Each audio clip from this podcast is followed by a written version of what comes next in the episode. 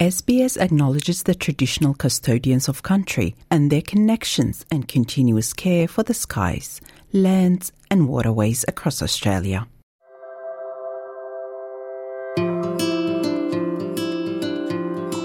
You're listening to Australia Explained, an SBS audio podcast helping you navigate life in Australia. If you don't celebrate Christmas, you may be curious about seeing someone dressed as Santa riding a surfboard in December. Australians have adopted some European Christmas customs while also creating their unique traditions. The great news is that there are numerous ways to celebrate Christmas in Australia.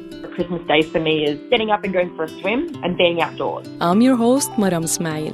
This episode of Australia Explained will explore how some Australians celebrate this festive season.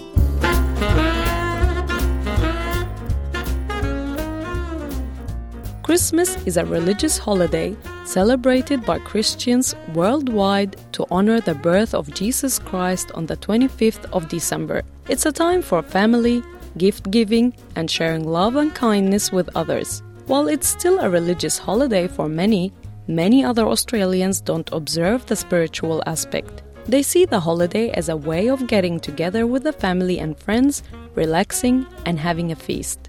In Australia, Christmas celebrations typically occur around lunchtime on the 25th of December. For many Australians, such as Luke Barbeglo from Brisbane, it's considered a casual affair. If we're at home in, in Brisbane, it often involves like a number of know, people, family members and friends of family, like dropping in and out for a ham, like a roast ham, or you know, probably some prawns and just lots of fresh fruit, lots of mangoes and that kind of thing. So always really, really casual. SBS Foods managing editor Farah Celjo says there are many staples that you'll find on many tables at a Christmas lunch. Things like Christmas ham, snacking boards, plenty of seafood, an abundance, I guess, of seafood platters, Christmas puddings, tiramisu, trifle, pavlova, and then you also eat plenty of fresh fruit. So obviously you'll think about cherries, mangoes, peaches, other stone fruit. However, she also says that since Australia is so multicultural, there is more than one way to do Christmas. Bringing your food traditions to the table is welcomed and very common. You know, I would be open to having a Malaysian laksa on Christmas Day with like an abundance of seafood all the way to an ice cream cake or even something like panettone.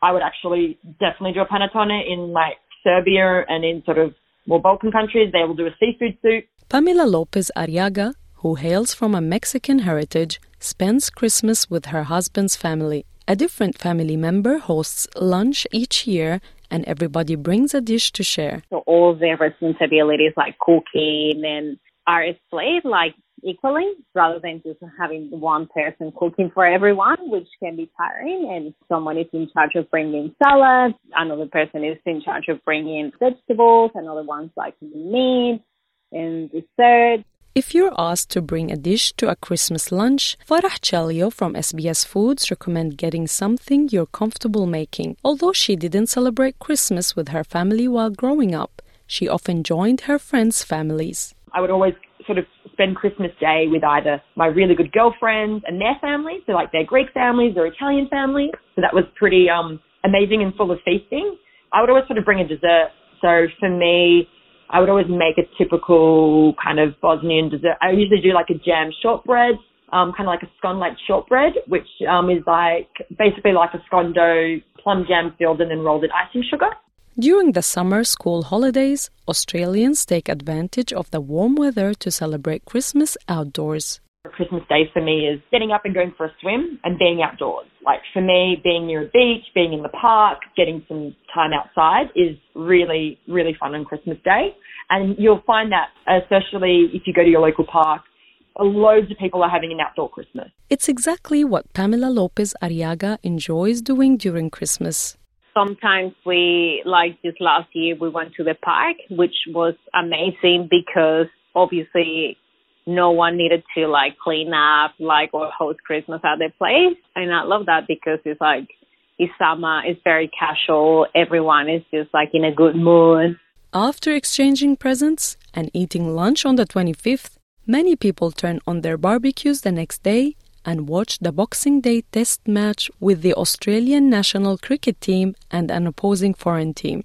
Luke Barbeglo says he never misses the Boxing Day test match. Growing up, you know, through the 90s and early 2000s, like Australia had a really dominant cricket team. And so, you know, Christmas always felt like a really celebratory time of year. And then you'd have the Boxing Day cricket test start. And there was always this sense of, you know, Australia's going to win and all that. And so, you know, there was a lot of, yeah, just a lot of positivity around that. And so I, that's kind of the Boxing Day test is the one game of cricket I really watch every year.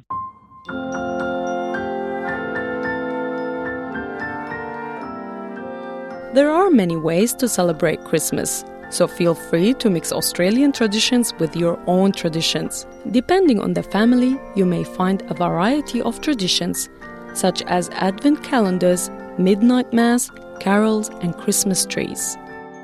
Thanks for listening to this episode of Australia Explained, written and produced by Audrey Bourget and hosted by me, Maram Ismail. Australia Explained managing editor is Rosa Germian. This was an SBS audio podcast. For more Australia Explained stories, visit sbs.com.au slash Australia Explained.